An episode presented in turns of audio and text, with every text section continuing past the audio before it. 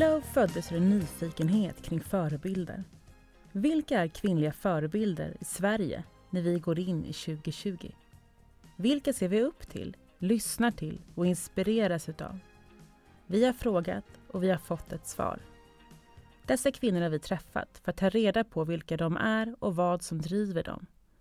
Vi har även intervjuat andra kvinnor som vi tycker att fler borde få upp ögonen för. Det här är en intervjupodd med mig, Maria Högberg och kvinnliga förebilder i Sverige.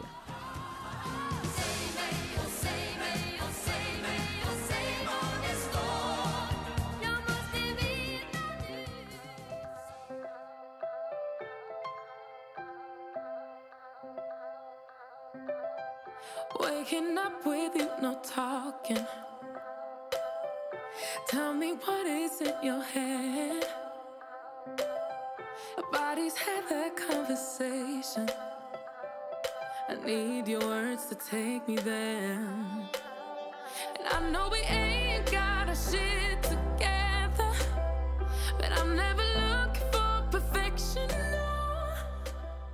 Vi har en inre röst och vi har en röst som vi kommunicerar med. Att hitta samklang mellan dessa röster är något annat. Vi har en inre kompass som genom känslor vägleder oss genom livet. Men vi måste också våga lita på den när andra röster från människor omkring oss har alla svar på hur vi ska leva vårt liv. Molly Pettersson Hammar har en fantastisk sångröst som vi får ta del av. Men hon har nästan en lika stark inre röst som vägleder och guidar henne genom livet. En röst som vet vart hon är och vart hon är på väg. Men bara för att man har kontakt med sin inre röst så betyder inte det att man inte kommer behöva bli utmanad, prövad och reflektera över om man är på rätt väg.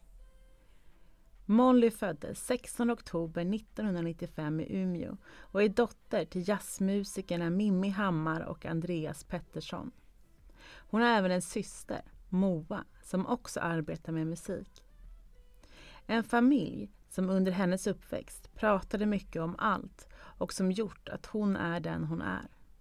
Hon har haft två motton hela livet. 1.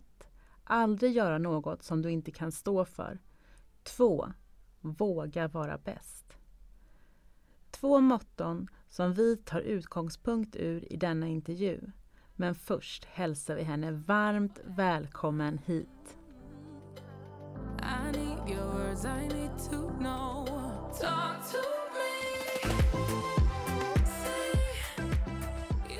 Jag har nog varit ganska lik mig själv i alla år. Alltså jag har, så här, jag har haft liksom samma motto sen jag var liksom, jag vet fan, typ tio. Alltså så. Mm, vad är det för motto då? det, alltså det, är, jag vet, det är så jävla konstigt att jag hade det men, men jag, jag har typ två motton. Mm. Det är att, att, och som jag har haft då sen jag var skitliten liksom. Det är att aldrig göra någonting som man inte kan stå för. Eh, och att våga vara bäst. Mm. Mm. mm. Men har, har du alltid lyckats med det då? Att, att bara göra saker som du kan stå för? Alltså jag, har, jag vet, men alltså vad fan det är skitsvårt. Speciellt om man är en människa. alltså, men jag vill ändå säga att jo. Mm. Jag har alltid liksom tagit jag vill ändå säga ja på den alltså faktiskt. Mm. Det är väl det jag känner att när jag när jag kollar tillbaka på typ bilder eller liksom när jag var liksom liten så känner jag att så här, fan, den här tjejen hade ändå varit stolt över den jag är idag. Mm. Faktiskt. Mm. Det är jag väldigt glad för. Mm. Ja men det känns faktiskt som det när man, ehm, när man följer dig att du är väldigt så här, grundad och stabil. uh, men hur, liksom, hur, hur har du lyckats med det? jag skrattar för att jag vet Alltså så här, ja jag är nog det. Eller mm. jag är ju det. Mm. Men det är klart att det finns liksom Jag har ganska mycket ångest. Mm. Um, så det är klart att det finns dagar som jag kan vara superlabil på. Men det, det är någonstans, jag vet inte, jag liksom När jag var liten så liksom, Jag har alltid gått mycket terapi och, och jag tror att det har typ gjort att jag um, känns grundad. Eller jag tror att jag har koll och jag känner mig själv på ett sätt som jag lärde känna mig själv i tidig ålder på ett sätt som jag tror att kanske inte alla gör. Mm. Men om vi går tillbaka då, om vi skulle liksom kolla på din barndom. Ja. Eh, hur var den? Alltså det är så sjukt för att jag är, nu är jag 24. Jag vet inte, det, det är fortfarande lite svårt för mig att ha en distans till min barndom för att jag, jag känner mig inte så, så gammal. Eller Mm. så här, jag känner ju att det var inte länge sedan jag var barn. Alltså Mm. vadå fyra år sedan så var eller fem år sedan så var jag en, var en tonåring. Liksom. Mm. Ehm, Men, men du är, upp, är du uppvuxen i Umeå? Eller är Nej, du född i Umeå? jag är född i Umeå. Ja. Exakt. Vart är du uppvuxen då? Eh, född i Umeå och sen så när jag var typ två år så flyttade mina föräldrar till, eh, till eh, eh, Gröndal Mm.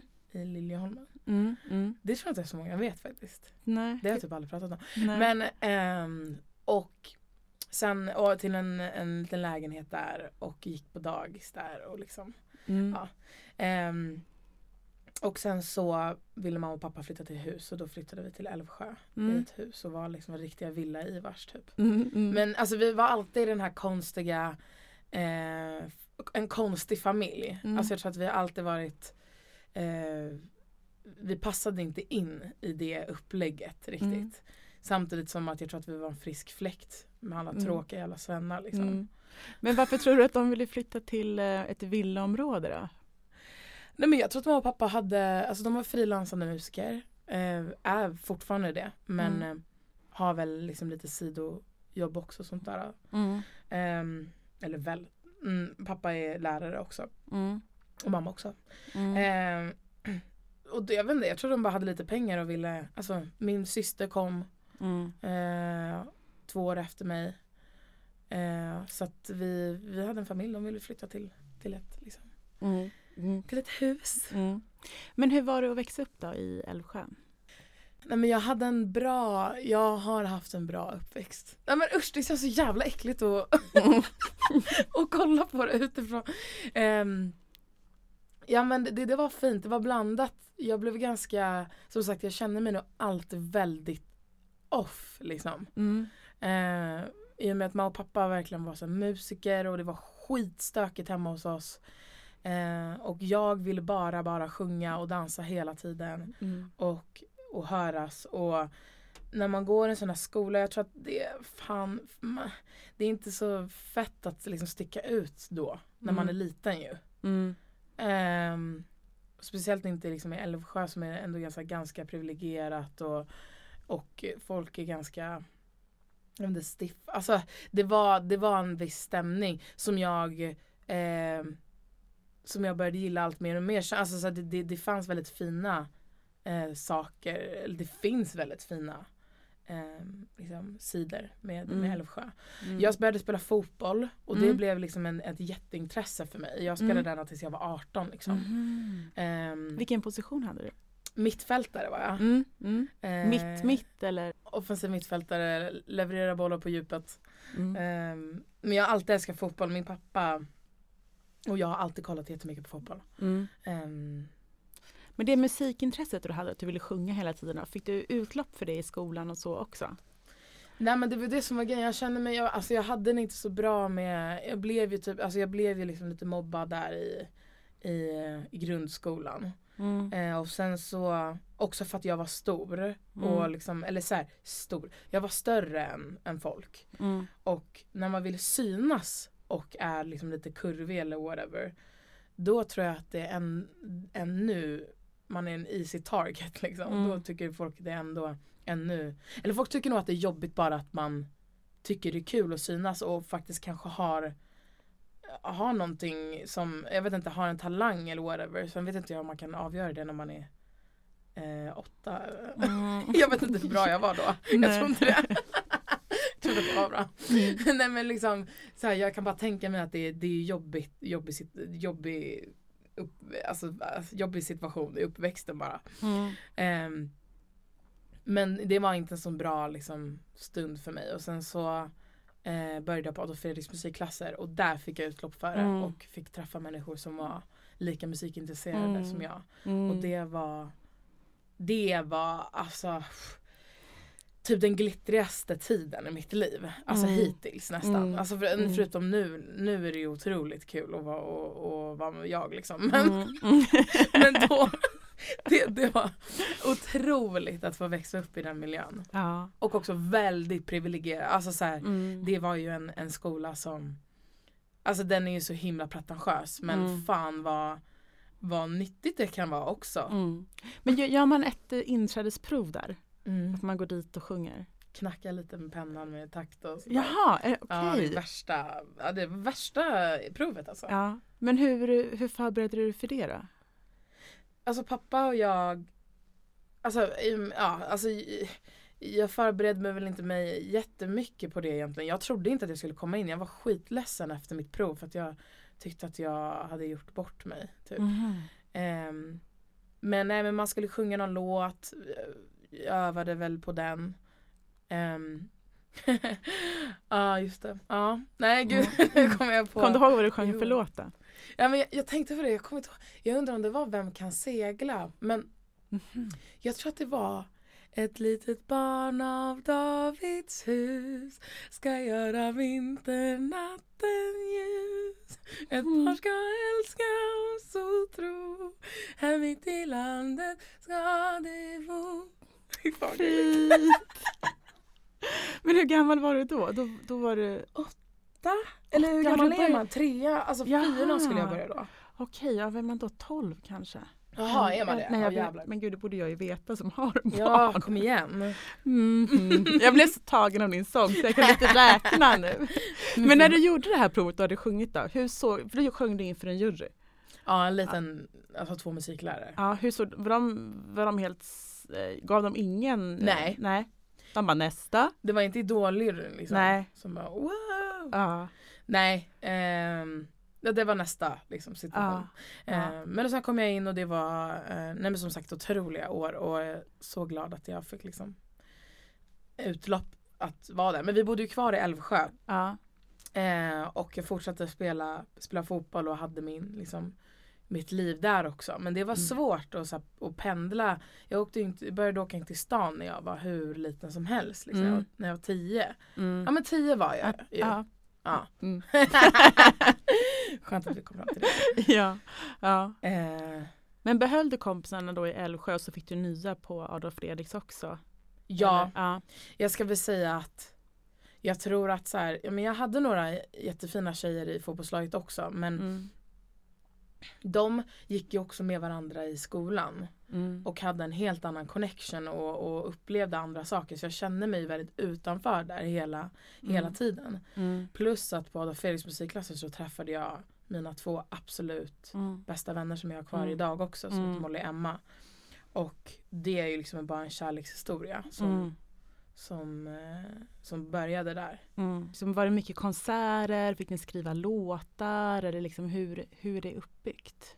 Alltså det är väldigt mycket, det är kör, en Mm. körskola. Ja. Ehm, klassisk körskola egentligen. Och eh, så det var mycket, ja så vi, så här, vinterkonserter hade vi typ i Globen. ja. Eh, Lucia-konserter och sånt där. Men fick man sticka ut eller skulle man vara i kören? Man Alltså- skulle vara i kören. Ja.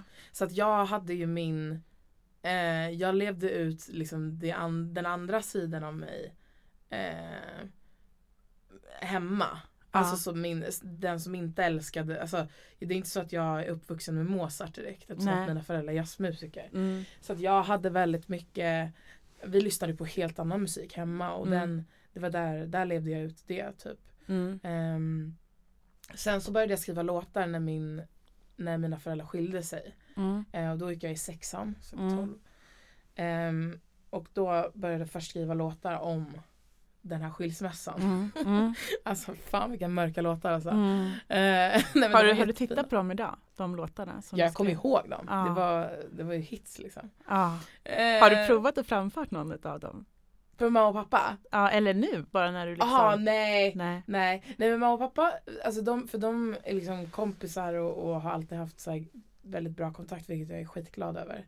Mm. Men eh, de köpte, köpte, de gav mig i present när jag var typ, ja, nej, precis under det här liksom uppbrottet typ, att jag skulle få gå in i studio och spela in Mhm. mina låtar. Mhm. Så, att vi, så att det finns liksom inspelning när jag var 12 och Oj. sjöng in min egna, så här, spela piano och sjöng min, egna, min första Ja, låt. fint. Eh, som till dem då, så det är så jävla gulligt liksom. Ja, men vad tänkte de då? Tänkte de så här, eh, nu blir Molly låtskrivare tack vare det här? Eller kände de, oj, har hon gått igenom det här? Ja men jag tror att nej, men de vet det. Alltså, vi pratar extremt mycket i min, i min familj. Mm. Eh, så vi hade ju de här konversationerna och, och det var inte någonting som kom fram genom mina låtar. Så ah, oj, är det så här du känner? Mm. Utan det har vi redan pratat om. men Mm. däremot så, jo men absolut. Jag tror nog att ehm, det föddes ju någonting där som var Mm. ehm, början på något. Absolut. Och vad, vad handlade låtarna om då? Var det liksom inre smärta eller var det liksom Nej men det var mamma och pappa typ. Alltså jag Ja. så liknade, min första låt så skrev jag eh, så hur, den heter Stop the time. Mm. Mm. Den är så jävla bra dock. Mm. Men den ehm, den handlar om, den, där vill jag bara liksom stanna, stanna tiden och sen så har jag en annan låt som heter Flower. Eh, det är så då, alltså jag förstår liksom inte det, Alltså när folk frågar mig varför jag inte spelar, skriver på svenska så är det för att så här, alltså mina absolut första låtar skrev jag på engelska liksom. Mm. Och det är på det sättet jag alltid har formulerat mig. Mm. Så jag förstår inte, bara för att det är trendigt nu så ska jag, jag kommer inte gå och sjunga på svenska bara för det. Alltså Mm. så här, Mm. utan jag, jag kommer välja det sättet som jag har Som är närmast formulerat- Som är dig. närmast mig, Ja. verkligen. Ah. Och det eh, råkade bli så att det var det engelska. Också för att jag har vuxit upp och lyssnat på, på det. Ja. Liksom. Ehm, Men hur kom första låten till dig då? på samma sätt som jag tror att det är gjort resten av mitt liv. Alltså det, det är bara man sitter vid pianot och sen så spelade jag, jag lärde mina första ackord och sen så började jag bara leka. Mm. Så för mig är barn, alltså musik är verkligen lek. Mm.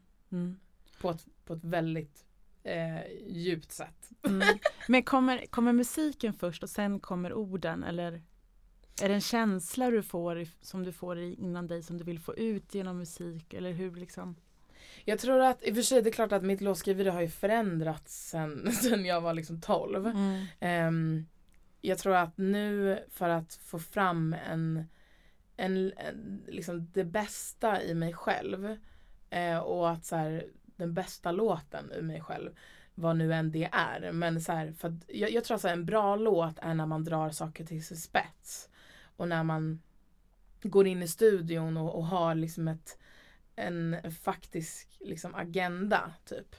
Eh, ibland kan det i och för sig vara skitnice att bara viba och sitta Mm. och jamma. Liksom. Det, det älskar jag. Och då kan Mm. det komma otroligt otroliga grejer.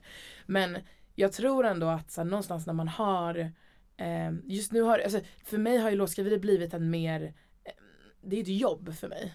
Så jag går ju in och vill också prestera och vill att det ska komma någonting. Och eh, då är det lättast för mig, tycker jag i alla fall, när jag har liksom en, en tydlig så här, det här vill jag skriva om idag. Mm. Och det kanske har kommit till mig för en månad sedan. Eller en vecka sedan. Eller samma dag som jag kom till den här studion. Mm. Men jag har i alla fall en tydlig idé om vad jag vill skriva om. Mm. Och det, så var det väl inte när man var liten. Då var det mer bara så att det, det kom. Man lät låten komma typ. Mm. Och alltså, jag tror i och för sig att nu när vi pratar om det, det är ganska intressant. Jag tror att eh, det hade inte varit helt fel att gå tillbaka lite till den ursprungsgrejen Mm. när man bara låter det komma också. Mm. Mm. Varför tror du att du har frångått det då? Men just pressen, alltså, eller så prestationsdelen eh, i låtskriveriet som, som, som det ju blir när, när, när, man, när det blir mer ett jobb och Mm. mindre hobby Mm. bara. Eh, jag tror att så här, ja, man är inne i studion och liksom vet att så här, man, man vet också, om man någonstans har liksom släppt en låt så vet man också alla grejer som kan hända. Mm. Och det vill man ju Mm. uppnå. Jag vill ju liksom släppa, Mm. sak, eh, släppa låtar och så Mm. vidare. Och, ja, nej, nu känner jag att jag är fett luddig när jag förklarar. Nej, men, nej, nej, absolut inte. Men skriver du låtar som du själv vill, eh, där du själv vill förmedla ett budskap eller skriver du låtar som du vet att folk vill höra från dig? Otroliga frågor. För att jag tror att, alltså det där har jag skitsvårt med. Mm. Ehm, jag tror inte just alltså, så här, textmässigt så, det skiter jag totalt i vad folk vill höra ifrån mig. Liksom, för att jag, det, där har jag så här, där känner jag mig självsäker i att så här, jag kommer berätta det jag vill berätta. Men hur, alltså rent soundmässigt och liksom hur, eh, hur det ska låta, om det, om det är poppigt eller, eller R&B typ. Där har jag skitsvårt att där måste jag påminna mig själv, själv hela tiden att gå tillbaka till det jag tycker är bra och att jag bara ska släppa musik som jag tycker är bra. För att eh, jag hamnar lätt i att i typ ett manager liksom huvud där jag försöker räkna ut hur, vad som ska göra mig störst. Typ. Mm. Mm. För att jag har så stora drömmar och Mm. så här, ibland kan man Ibland kan man låta det styra en och det, det tror jag är farligt. Och, Mm. och eh, låta sig styras av andras åsikter. Mm. Eller jag vet att det är fett farligt för att man kan inte räkna ut, alltså man kan inte räkna ut vad som kommer gå bra och inte. Det är skitsvårt. Det är en Mm. vetenskap i sig. Mm. Och det har, det har inte jag tid med att liksom hålla på Ja du vet, så Mm. gissa. Mm. Eh, så att istället för att gissa så, så, ehm, så, så måste man liksom släppa musik som, som jag gillar tror jag. Mm. Men känns det också ibland så här att om, du, om någon har tagit ett beslut åt dig eller liksom påverkat dig på något sätt att det känns liksom fel inombords då? Om det är fel, alltså har du någon sån känslokompass? Mm. Ja det har jag absolut. Jag har varit ganska bra på att ehm, ignorera den. Mm. Eller prata över den. Mm. Eh, tidigare typ i min Mm. karriär speciellt. Mm. Men det är också för att alltså, jag har ju pratat över den för att andra har liksom påverkat mig. Så jag tror Mm. att det, det är inte bara min röst som har pratat över eh, mig själv. eh, utan det är andra så. Now I'm not going out tonight. A minute later, yeah, I might. The taste of you is bittersweet. Nu är Molly på tåget mot sin dröm. Men allt började som sagt på Adolf Fredriks musikskola där hon träffade en av hennes bästa vänner som hörde en av Mollys låtar och skickade in den till Idolproduktionen. Men för Molly blev det inte som vi ser på TV, att hon behövde stå i kö i flera timmar för att bli lyssnad till. Nej, Idolproduktionen ville ha med Molly redan två år tidigare. Men eftersom hon inte var 16 kunde hon inte medverka. När hon fyllde 15 fick hon dock dispens från produktionen och Molly hoppade in i Idolbubblan. Och Idol var en jättefin eh, upplevelse för mig. Eh, För där var det en kompis som skickade in en av dina låtar. ja, Ja. det var Molly som jag berättade Ja, om tidigare. Var Ja. det en av de här låtarna från um, eh, skils... Ja, Ja. vad roligt! Fan vad fett du connectar. Mm. Jo, precis, det var det. Mm. Ehm, det var Stop the time som hon skickade in. ja. Visste du om att hon skulle skicka in den? Nej, Nej. hade ingen aning. Men Ja. det var ju ett eh, väldigt, ja, jag tycker det var ett väldigt bra beslut av henne. Det var skitkul. Jag ångrar absolut inte Idol. Jag ångrar nog ingen, alltså jag ångrar ingenting. Det gör jag verkligen inte. Och framförallt inte nu när, när det går så jävla bra. Ja, det gör ju verkligen det. nej, vad sa det? Usch, jag tycker det är så himla kul att säga sånt högt. Ja. Så. Men, nej men alltså vadå, det kan ju gå mycket bättre och det kommer gå mycket bättre. Men eh, nu när, när jag, det är ju en, en härlig tid just Mm. nu. Alltså jag känner ju Mm. att det är vind i ryggen på Mm. ett sätt som jag inte känt ja, egentligen någonsin. Mm. Ehm, och det är ju för, och, och jag tror att, så här, att jag gör ju det också för att jag får känna, får känna på de här sjuka motgångarna som att så här, åka ur melodifestivalen och inte veta Mm. vem man är och så vidare. Och Mm. för att komma tillbaka till din fråga så tror jag Mm. att eh, ja, jag tror absolut att ehm, att folk, nu, jag kommer liksom inte ihåg för det var så jävla länge sedan men eh, nej, skivbranschen har ju en tendens till att säga väldigt mycket vad, hur de tycker att du ska vara. Och inte så här, vad tycker du? Samtidigt som att hade de frågat mig det så hade jag nog inte kunnat svara på det. Mm. Mm. Det är det som är Så det är därför jag, liksom, jag klandrar ingen som jag jobbade med tidigare under den perioden. Mm. För att jag jobbar inte kvar med några liksom Mm. från Melodifestivalperioden. Mm. Av eh, självklara skäl. Liksom. Mm. Mm. Ehm, för att jag har gått någon helt annanstans och blivit den jag har blivit den jag velat vara. Mm. Mm. Ehm, men som sagt, jag klandrar ingen för, för det som hände. Liksom, för Mm. att det... Mm. Eh, Men om vi backar då till Idol. mhm. Eh, när, du, när du kom med där, vad, vad, liksom, vad, vad tänkte du kring det? Hade du drömt själv om det tidigare? Ja. Eller? Ja. Men jag växte upp när Idol var som absolut störst. Alltså, Ja. Det är ju fortfarande skitstort. Men, Ja. men det är väl... ehm, ja, nej, alltså vi, det var ju det man skulle göra. Det var ju the shit liksom. Mm. Eh, så att ja, jag hade absolut en dröm om Idol. Mm. Eh, försökte väl eh, så här dissa det lite i början. Alltså de frågade mig i flera år typ, Mhm. utan att veta hur gammal jag var. Ja, För jag tänkte Eh. du var ju, du var ju typ bara 15, 16. Ja. ja. Så de, de började fråga mig i typ två år tidigare när jag var 13, Mm. typ 13, 14 någonting. ja. Och eh, så hade Och hur fick de nys på dig, eller hur fick de reda på att du existerade? Eller? Men det var genom att Molly ja, skickade in ja, hon skickade in den så mycket tidigare. Ja, för hon visste inte Jaha. heller liksom ålders- gammal du alltså, var. Hon, Nej, hon, jag menar, hon visste inte hur gammal jag var. Vi gick i samma klass. Men. Ja. Eh, nej men eh, exakt, och jag tror att hon, hon sket ju det. Hon ville bara att så här, något skulle hända typ. Ja, nu är det Ehm, dags. Ja men typ, verkligen Mm. att de skulle upptäcka mig. Mm. Eh, och eh, så att vi började ha kontakt jag och den här musikredaktören och som, som sa men ska du inte söka? Och jag bara nej nej nej nej finns inte chans. Jag bara kanske snart. Typ så. Mm. Och sen så när jag blev 15 då så sa jag så här, men fan nu är jag med. Och, eller okej vi kör typ. Mm. Och då var det ett problem att så här, jag fick ju inte det. Eh, eftersom att jag var för ung. Mm. Eh, man måste vara 16. Och då fick jag en liten gullig dispens faktiskt. Så att jag, var, jag var, är väl typ den yngsta som någonsin fått vara med i Idol tror jag. Mhm. Än idag. Mm. Men hur kändes det då att få den liksom guldbiljetten? Vi vill ha med dig fast du är ett år yngre. Då måste man komma in med ganska mycket självförtroende ändå.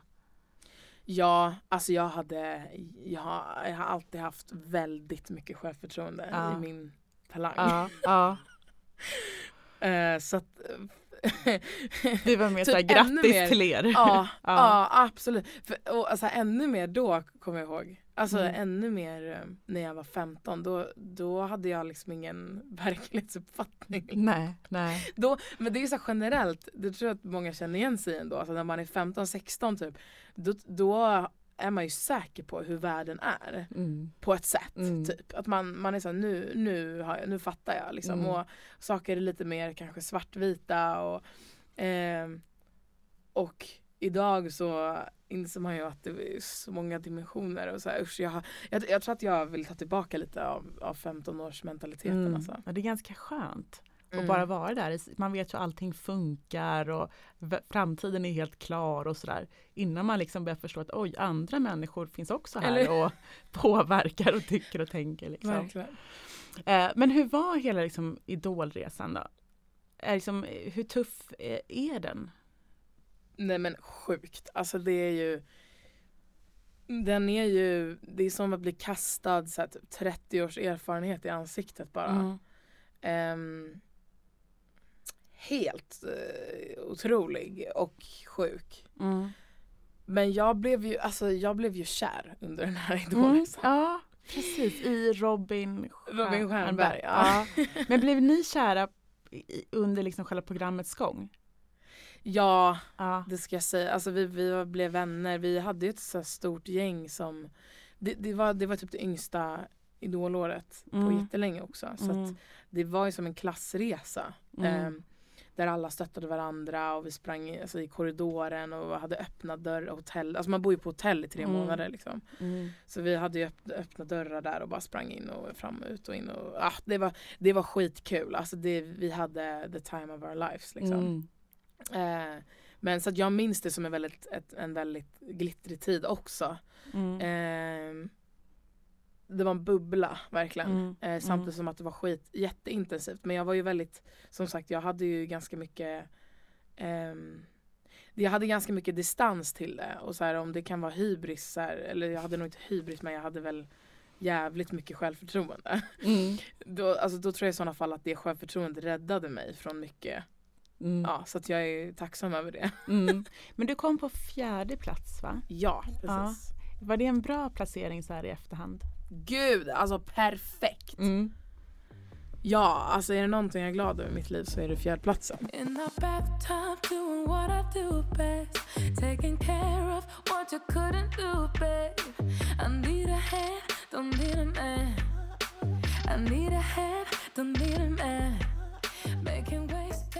Så från Idol tillbaka till skolan för att ta sin examen och vidare in i musikbranschen igen. Att studera var något som var självklart för Molly då musikbranschen är en tuff bransch och det räcker inte med att bara kunna sjunga utan du måste även vara en riktig entreprenör för att slå igenom. Vilket är något som hennes föräldrar har lärt henne. Alltså mamma är ju, en, är ju liksom typ den starkaste kvinnan jag vet. Mm. Liksom.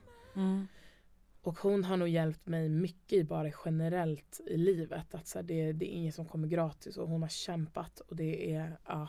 Mm. Hur är hon då?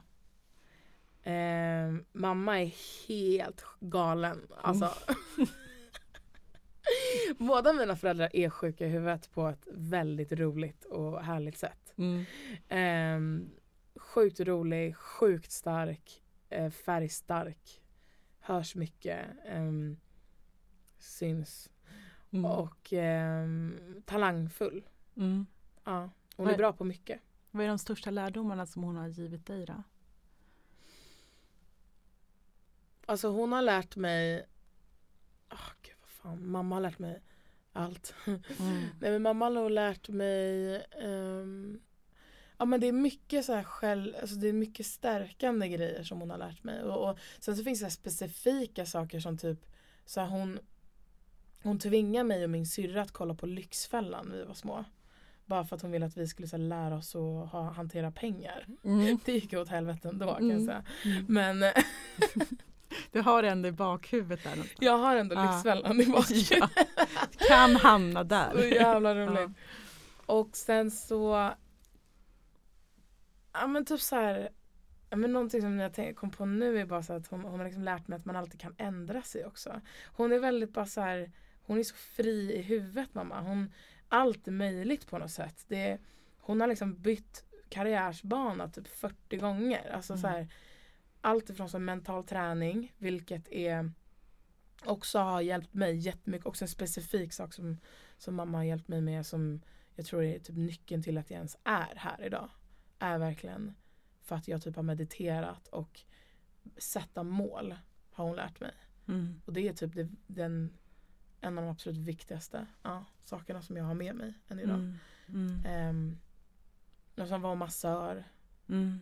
och sen nu är hon liksom svensklärare. Mm. Ja, så hon är och, en av Sveriges bästa jazztrombonister. Liksom. Mm. Så det, ja, det är mycket där som hon har Mm. lärt mig. Kan jag säga. Hon låter väldigt orädd. Ja, orädd är ett Mm. jättebra, jättebra ord för att beskriva mamma. Mm. Din pappa då? Jävligt stark. Eh, han är liksom en urkraft typ. Och eh, extremt talangfull. Alltså eh, helt jävla galen.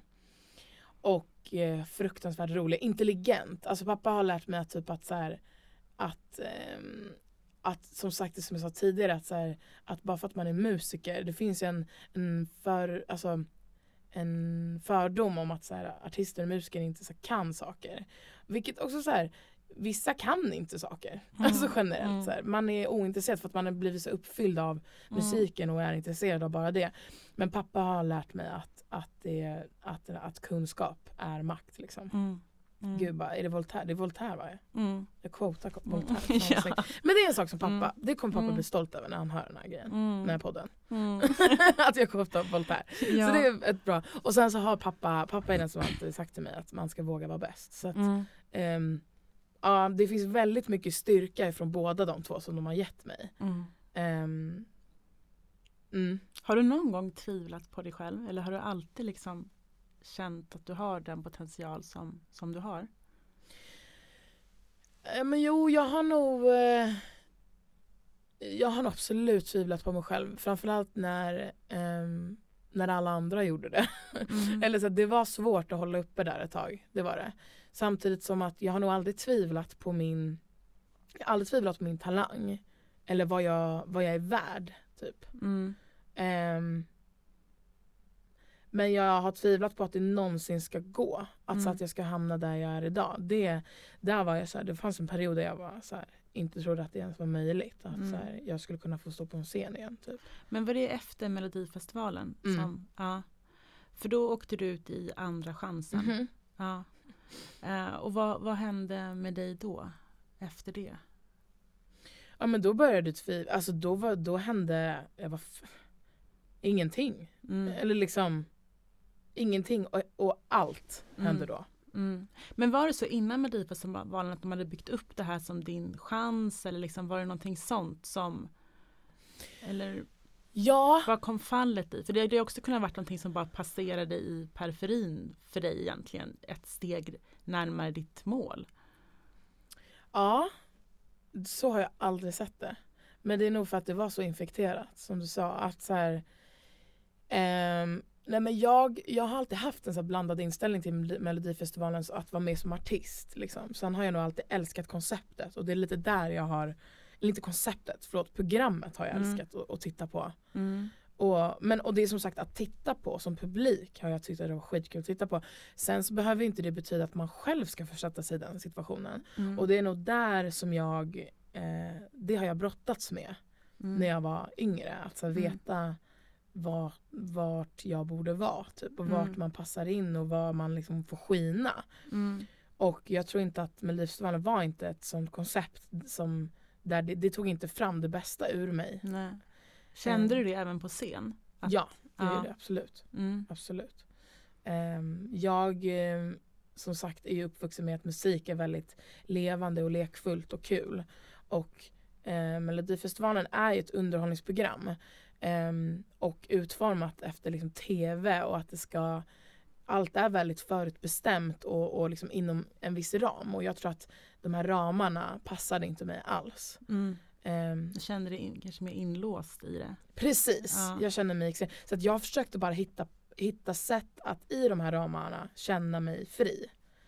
Eh, och det resulterade bara i att det inte blev någonting. Alltså jag ville liksom Ja, nej men det resulterade i att, att det inte det blev ingen tydlighet i varken låten, i numret eller vem jag var.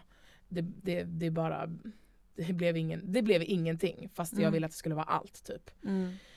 Ehm, och jag tror att ehm, Ja nej men det var absolut där som det liksom tog lite Det tog lite musten ur mig typ. Mm. Mm. Eh, framförallt för att man är inte en jätteeftertraktad artist efter att ha åkt ut andra chansen i Melodifestivalen. Mm. Det är man inte liksom. Mm.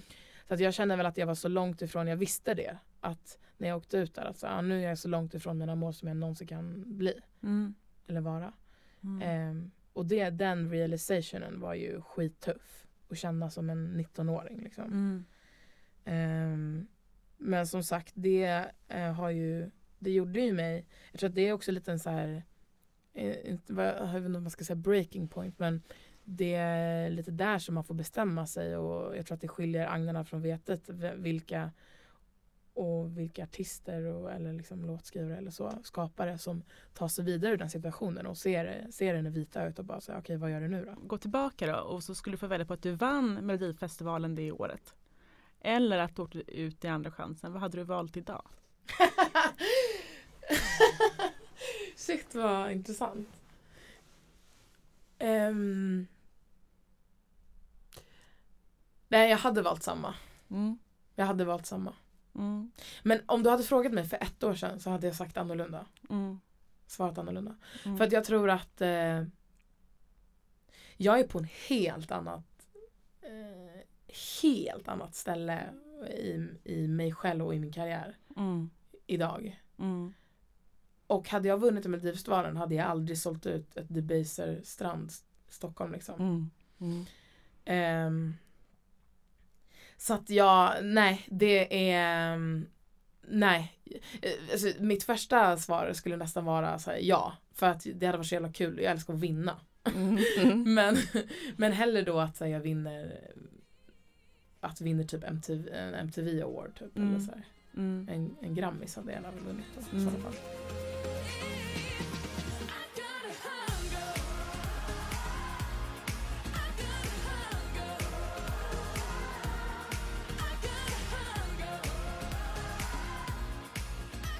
Genom att hitta sin inre röst, sin drivkraft och vem man är som person och genom sin yttre kommunikation framför detta så går det att utmana sig själv till att nå nya höjder. Efter Melodifestivalen behövde Molly stanna upp och reflektera och fundera över vart hon nu befann sig. Var hon på rätt plats? Var hon den artist hon ville? Var detta vägen till att nå hennes mål? Att bli bäst. Svaret kom snabbt. Nej, det var inte rätt. Det kände hon i hela kroppen. Men att hitta vägen tog längre tid. Det var först när hon åkte till Gotland och vaknade upp mitt i natten och såg siffran 6 framför sig, helt klart och tydligt, som hon visste att hon stod på en ny station och utan att tänka på det tog hon upp anteckningsblocket och skrev ner siffran och reflekterade inte mer över det. Idag vet vi att siffran 6 blev namnet på hennes nya EP som hon nu har gjort succé med. Alltså jag vet inte, det här är så jävla sjuk grej och sjuk natt, jag kommer aldrig glömma det. Och jag var så nära på att ehm, inte skriva ner det. Men eh, så skrev jag ner bara, alltså jag skrev ner en sexa i, min, Mm. i mina anteckningar. Och utan alltså, det var inte så att jag vaknade upp och tänkte på sex utan Mm. så här, jag vaknade upp och såg den här siffran och så bara d- så här, morgonen efter så bara in, så insåg jag vad det var och utvecklade idén i huvudet och det är verkligen exakt det det blev som jag Mm. tänkte att det skulle vara. Mm. Och det är otroligt mäktigt. Ja, och vad har hänt sedan dess då? Sen den här sexan dök upp? Eh, men saker har fallit på plats. Alltså hela, hela livet har ju fan hänt typ för mig. Mm. Mm. Mm. Nej men saker har fallit på plats och, och eh, jag eh, signade till Warner Chappell, jag signade till Cosmos, jag eh, ja, Live Nation, alltså det, jag hittade hela mitt team. Jag eh, fick åka ut min första sommarturné med den här EPn. Ehm, jag har fått släppa musik med en jättestor brittisk rappare. Mm. Jag har varit i London och gjort PR på Mm. BBC Radio 1 Extra och sen har jag varit i brittisk tv, jag har gjort Ansvar på Skansen jag har haft mina första headlinespelningar. nej det är så sjukt. nej, men, nej men hela livet, alltså hela livet. Helt sjukt. Helt Mm. sjukt. Och hur känns det liksom nu då, och när du sitter mitt i det här? Vad är känslan i dig då? Liksom? Är, du rädd, liksom, är du rädd för att det ska ta slut eller känner du bara nej men nu kör vi på, nu är tåget igång liksom? Ja nej men gud. Det här är ju tåg. Mm. Nej jag är nog inte så rädd att, alltså så här, jag tror inte att det är liksom möjligt eh, just nu.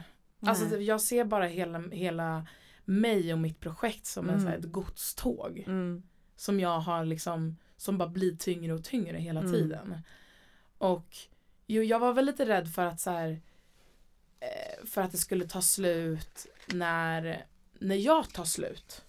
Så, så tar ju också någonstans, då finns det ju en fara för projektet på Mm. något sätt. För att det är jag som driver det. Tänker din energi? Precis. Ja.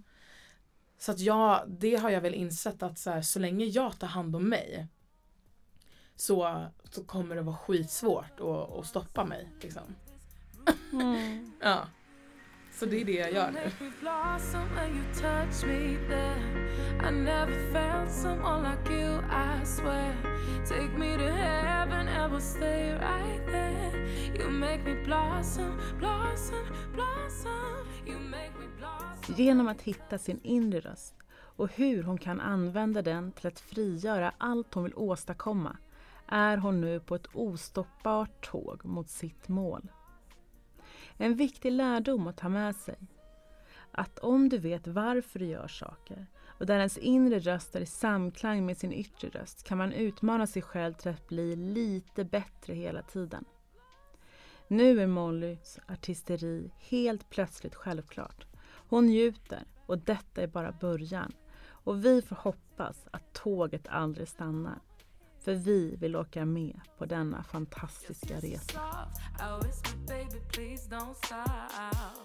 Men jag, vill, jag skulle verkligen vilja bli en av liksom vår, vår tids liksom bästa liveakter. Mm. Eh, och då menar jag liksom inte bara Sverige utan, utan världen. För att jag tycker verkligen att det, alltså live är där jag är hemma. Um, och liksom rent så låtskrivarmässigt så alltså jag ser fram emot att utvecklas bara på alla plan och liksom där har jag ju liksom egna separata mål men liksom med, med mitt artisteri så ser jag fram emot att kunna liksom täcka, alltså jag vill bara vara liksom som ett jävla täcke för folk mm. och bara lägga mig över. Mm. Men det, det, tänk, när du går ut på scen då, alltså, tänk att du ska utmana dig själv och göra lite mer varje gång eller liksom går du bara ut och kör? Nej jag pressar mig själv, eller så jag pushar varje gång jag är mm. uppe på scen. Mm. Um, och det, det tror jag att folk märker också. Jag tror att så här, bara det att jag hade en, en, så här, förra veckan så hade jag min första headline-spelning i Pustervik, i Göteborg. Mm. Och då var min bästa vän eh, Oscar Sia med. Och han märkte också sån sjuk skillnad på liksom Stockholmsgigget och Pustervik. Att så här, redan där så hade jag liksom steppade jag upp typ. Och jag blev så himla glad över att höra det för att eh, ja, jag vill, det var verkligen mitt mål att så här, hela tiden bara bli bättre mm. och bättre.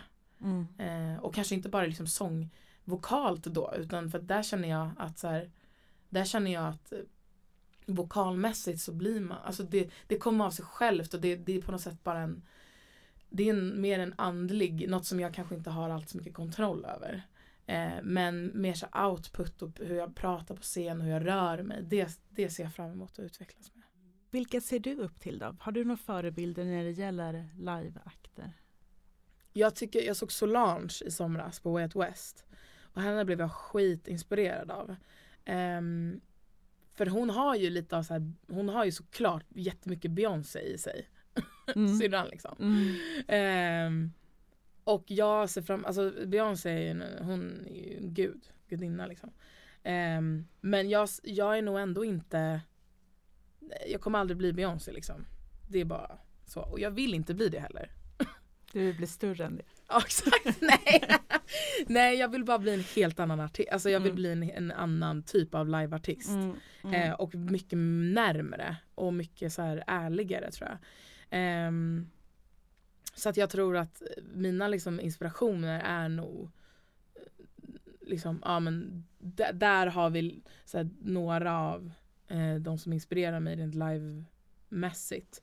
Eh, för de är så sjukt bra på att sjunga live också. Och sen Jay Cullum som är en brittisk artist som jag, som jag tycker så här, musikaliskt är skitrolig och bara så här, um, Ja men, nej, men jag, jag vill, alltså i min liveakt så vill jag få in så mycket USA som möjligt. Jag tycker att det är så jävla kul. Mm, mm, mm. Varför är det viktigt då?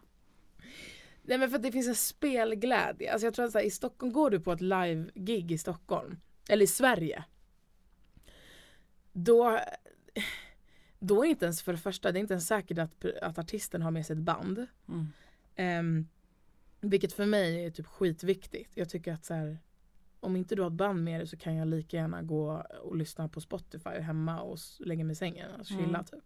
Mm. Um, och jag tror att vi någonstans i Sverige i liksom artist-musikerbranschen så har man jag vet inte vad det är om det är liksom brist på respekt för, för lyssnarna. För det är som att man tycker att folk är värda att höra riktig musik. Mm. Eh, och musik som är på riktigt och som känns. Och det vill jag verkligen få tillbaka. Och där tycker jag typ att så här, Seinabo Bossi har mm. gjort en otrolig liksom, tjänst åt svenska folket mm. till, till exempel. Jag tycker Sara Larsson är helt jävla otrolig. Jag tycker att Sabina Dumba också har gjort den tjänsten till oss. Så det finns liksom många som eh, många som bär i den facklan liksom. Eh, men jag ser fram emot att och, och vara liksom vara en del av det och jag ser fram emot att se att fler artister liksom tar, tar musiken på lite större allvar. Förstår du vad jag menar? Mm, verkligen. Men om man tänker då framtida, vad kommer hända liksom det närmsta året för dig? Eh, ja, förhoppningsvis kommer jag ha en, en sommarturné. Mm. Eh, sen kommer jag släppa jag kommer släppa en EP som jag älskar. Mm. Så jag är så jävla, ja, jag är så taggad och så Mm. tacksam över att jag ens får göra det. Mm. liksom. När kommer den ut då? Eh, det har vi inte bestämt än. Nej. Antingen innan sommaren eller liksom ja, Ja. slutet tror jag. Mm, kanske. mm, mm. Ja, nej usch, det, jag är supertaggad. Ja, vad Spännande. härligt. Och sen så kommer vi också få lyssna till dig på Glow Event 27 maj på Oscarsteatern och vi är så otroligt förväntansfulla och Ja. glada för att du är med oss.